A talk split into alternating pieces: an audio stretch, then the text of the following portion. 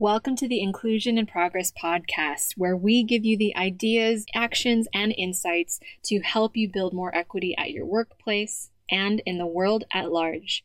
I'm your host, Kay Fabella, international expert on diversity, equity, and inclusion, a Filipino American living in Spain, and your guide in navigating this DEI journey.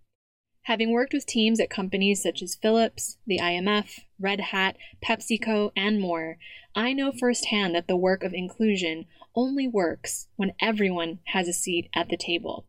Regardless of your personal entry point into this conversation, your race, ethnicity, gender, ability, age, sexual orientation, country of origin, or educational background, we all have a role to play in creating inclusion for all. And it starts with us having conversations we need to create the change we wish to see. So let's dive into today's episode.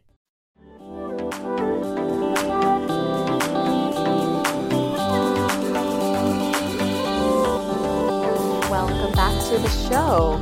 So, before we dive in, I gotta say, how awesome was the conversation with Jennifer Brown on last week's episode? I mean, it really has been such a privilege to have both her and, of course, my other amazing guest, Minda Harts, on the show back in episode 11. And in case you couldn't tell from my voice, I fangirled pretty hard over these ladies. sorry, not sorry. Because honestly, it's pretty surreal to go from reading someone's book over and over, gleaning the value from their years of wisdom and experience, to all of a sudden getting the opportunity to actually interview them. Here's the thing everyone's diversity and inclusion journey is an ongoing one.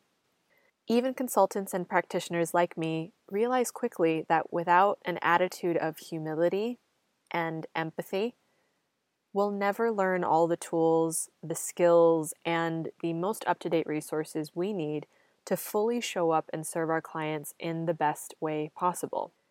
And I don't know about you, but I prefer an all hands on deck approach to D&I. we have a long way to go before we build a truly inclusive world. So I'd rather learn all I can from others doing this work, which expands the abilities that I have to deliver even better solutions for my one on one clients and the companies that I work with. Speaking of which, the workshops I gave at the beginning of this month for International Women's Day were a real hit. For one of them, I actually got to deliver an in person talk on gender equality at work at a fast growing tech startup here in Madrid. I walked the female employees through the importance of self advocacy and spoke to the men in the room about the importance of allyship, all while interacting with the hundreds of virtual attendees who tuned in from the offices that they had in four different countries. Technology is amazing, right? The event sparked some really interesting discussions about the importance of building gender inclusive cultures through language, daily micro actions, and of course, transparent communication across teams, which is even more critical when you're working with, in their case, a mostly remote team that incorporates over 20 nationalities. I worked hard with the event organizers beforehand to make sure that the workshop was tailored to the values and the needs of the company as well as for the attendees. And if you'd like to discuss me hosting these types of lunch and learn workshops for your company to spark inclusive conversations about diversity and belonging at work, please get in touch at the link in the show notes or head to kfabella.com. Some of the topics I cover in my workshops for diversity and inclusion include understanding the psychology around privilege and unconscious bias, and how inclusion at work directly contributes to an individual's productivity and engagement, and therefore your company's innovation and growth. We can also discuss the importance of advocacy, conscious allyship, and everyone's role in creating an inclusive culture so that everyone can show up more confidently at your organization. Because when everyone feels seen and heard, your teams are more balanced, benefit from more individual meaningful contributions, and therefore everyone performs at their best. I also bring in customized research backed tools and strategies to help your non minority and minority workers use more inclusive language in their team communication and interactions. so that underrepresented employees feel safe to speak up when they feel excluded at work. Finally, I also share industry case studies and best practices for discussing gender, age, and ethnicity or race at work and what impact that has on your different employees' performance and their personal capacity for contribution within your company. So, your workers can all show up as their fullest selves in the organization and help you lead the change for a company culture where everyone feels like they belong.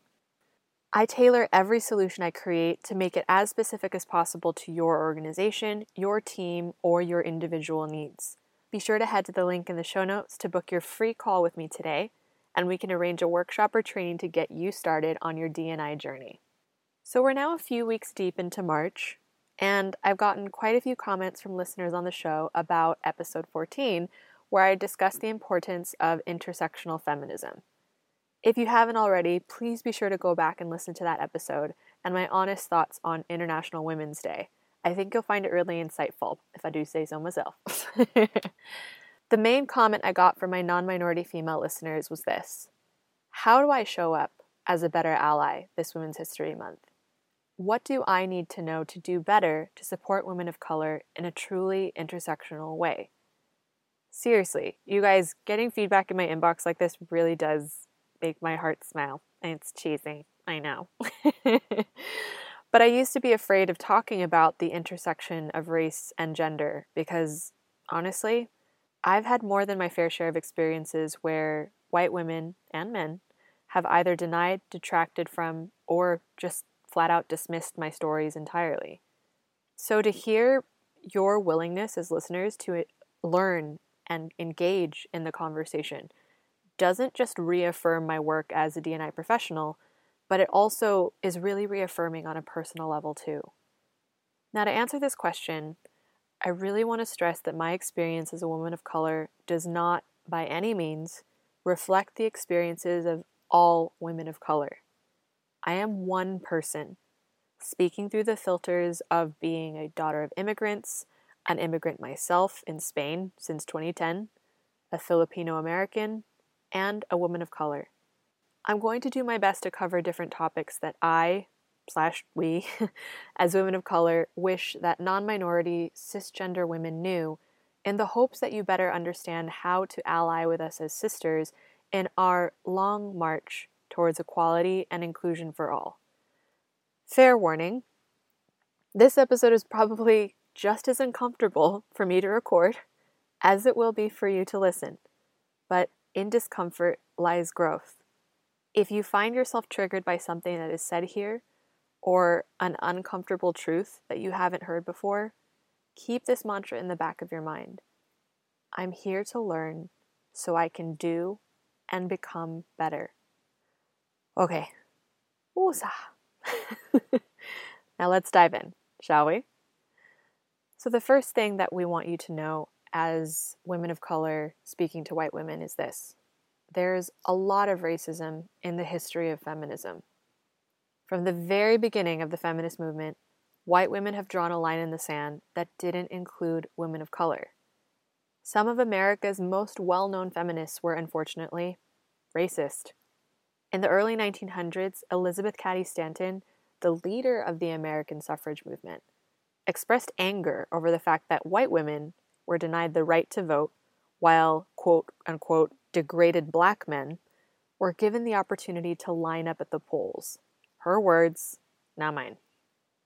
Another suffragist, Frances Willard, refused to support the prevention of lynching in the South because she believed that black men were drunken menaces who are collectively guilty of raping white women. The very same women who were leading equality campaigns in Washington, D.C., asking for the right to vote, blatantly requested that black suffragists walk at the back of their parades. As a result, some black women chose not to march at all, refusing to participate in yet another form of segregation. Yeah, I dove right in there, didn't I?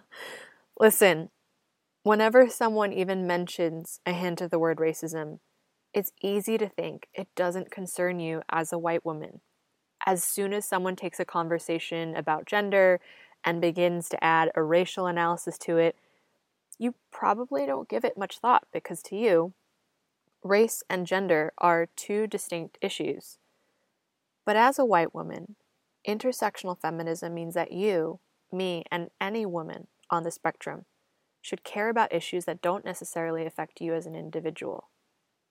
More importantly, your voice is often the first and the loudest to be heard in the conversation on gender equality. In the US, compared to white men, white women earn 20 cents less for every dollar that men earn. But on average, white women also earn 20 cents more than women of color. According to McKinsey and leanin.org, white men occupy 68% of C suite roles, white women occupy 18% of C suite roles, whereas only 4% of C suite roles are occupied by women of color. While individual people contribute to racism, the problem isn't actually about you as a person. It's about much larger systems that are at play here. Centering your experience in the gender equality conversation distract from the very real, very important issue that we're focusing on here. Because it centers whiteness in a conversation about women of color instead of acknowledging the very real history that women like me are still fighting generations later to recover from. The second thing we want you to know is we want to be heard, not spoken over. Let me put it this way How many times has your blood boiled when your partner, brother, father, husband, whatever, after you shared your experience in great detail with sexism or gender discrimination, they just rolled your eyes at you and said, Ah, oh, there you go, bringing your feminist agenda into it again. First of all, I hope, I genuinely hope that doesn't happen often, and it's a really ugly analogy. But that's essentially what it feels like for women of color whenever we're told by white women to quote unquote stop playing the race card and quote unquote focus on the real enemy, aka straight, cisgender, non minority men. In other words, women of color are made to feel like we shouldn't talk about how racial inequality and gender inequality intersect because it makes you feel uncomfortable.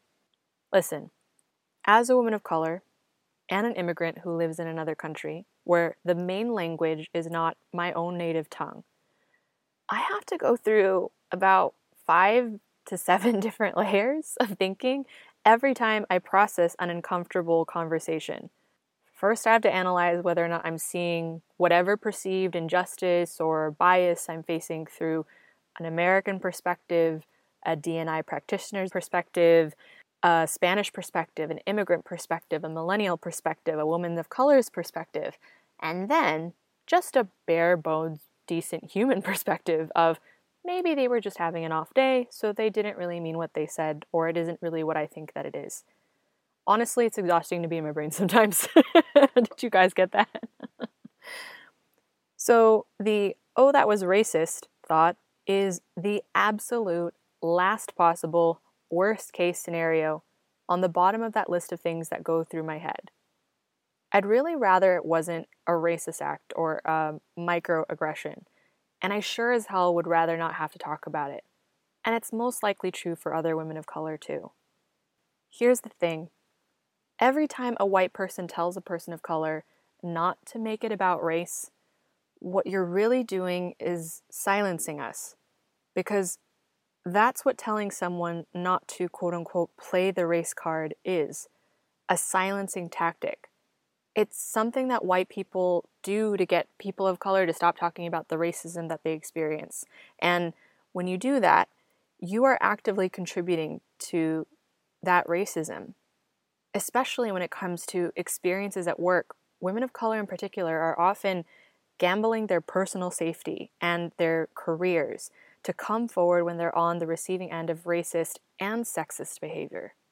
So rather than actively silencing women of color, how about leading with a tell me more about and ask them to expound on their experience? Listen, really listen, and if appropriate, ask if and how you can amplify our voices and be an ally for us. The third thing we want you to know is that our struggles are different than yours. The struggle of a middle class, straight, cisgender white woman is not the same as that of an uneducated, gay, American woman of color, for this instance. You may fight for equal pay and paid maternity leave, whereas the latter is more concerned with stopping race related police brutality, developing more comprehensive treatment programs for HIV, and even just access to business loans from banks that are statistically proven to be less likely to invest in her as a minority. This isn't to pit our struggles against one another or, heaven forbid, play a game of oppression Olympics, but it is hopefully to get you to see that being an intersectional feminist requires a deep capacity for empathy, an ability to at least try to reach outside your own lived experience to understand what women of color go through. In a really great essay for Salon that I will make sure to put in the show notes, Brittney Cooper, professor of women's and gender studies and Africana studies at Rutgers University, puts it into perspective. She points out that feminists are concerned with equality, while feminists of color, especially black feminists, are battling injustice. She says, quote, one kind of feminism focuses on the policies that will help women integrate fully. The other recognizes the fundamental flaws in the system and seeks its complete and total transformation. It's critical that we can all understand this difference that Brittney Cooper says and find a way to bridge these two goals so that women of color like myself can feel truly addressed and included in the conversation about gender equality. So that wraps up the episode. Things women of color like me wish white women knew. If we are all going to fight intersectionally for a more gender inclusive world. I know, it was a doozy. I felt myself cringe one or two times, more than that, while listening to myself speak because that's how deep seated this discomfort is when it comes to talking about race. Now, if you got to the end of this episode and you're feeling a little bit distraught, maybe defensive, and shouting at whatever your podcast player of choice is, but I don't do that. I don't know racist people, and I'm definitely not racist myself. Newsflash. As a song in one of my favorite musicals, Avenue Q says, Everyone's a little bit racist. Just imagine a bunch of puppets singing that over and over. It's pretty freaking hilarious. and I had to break up the tension a bit, you guys. Come on. but in all seriousness, we still, to this day, live in a society that we all know, as women fighting for equality, that has been built on systemic injustice and in this case, systemic racial injustice, where very few of us have benefited. At the end of this episode, who amongst us gets to look away, switch over to another podcast, and move on with their day? And who doesn't? I'll give you a hint. It's not people of color who have the option of not thinking about racism anymore if they don't want to. And that's the difference the fact that you have the ability to stop thinking about this topic when it's no longer comfortable for you is exactly what women of color like me are hoping that you understand and recognize when you talk about gender equality and forget to include our experiences in the conversation. I'm not asking you to speak for us or take up a mantle for social justice on top of whatever day job or family that you have to manage. But what I do hope you gain from this episode is a desire to educate yourself, engage with us in conversations, and empower our voices by amplifying them where necessary, especially in the workplaces where we spend most of our days fighting to be seen and heard. So, if you liked this episode, please be sure to subscribe, rate, and review the podcast on iTunes. Conversations like this one on uh, Inclusion in Progress really should be continued by others like you who are aware and willing to discuss hard topics like race and gender with the right tools and support. And if you'd like to learn more about how I can support you in having these types of intersectional conversations about race, gender, age, or anything around diversity, get in touch at the link in the show notes.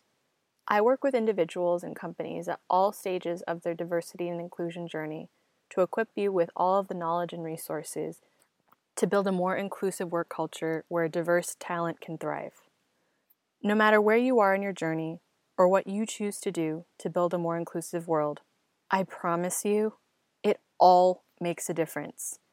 Because inclusion really just boils down to our individual actions and choices and how we make an effort to show up for one another day after day. In the next episode, I'll be diving into a really juicy topic the gender pay gap in the tech industry and the ways that we can address it. Thanks so much for tuning in to Inclusion in Progress, and I will see you next week for another episode.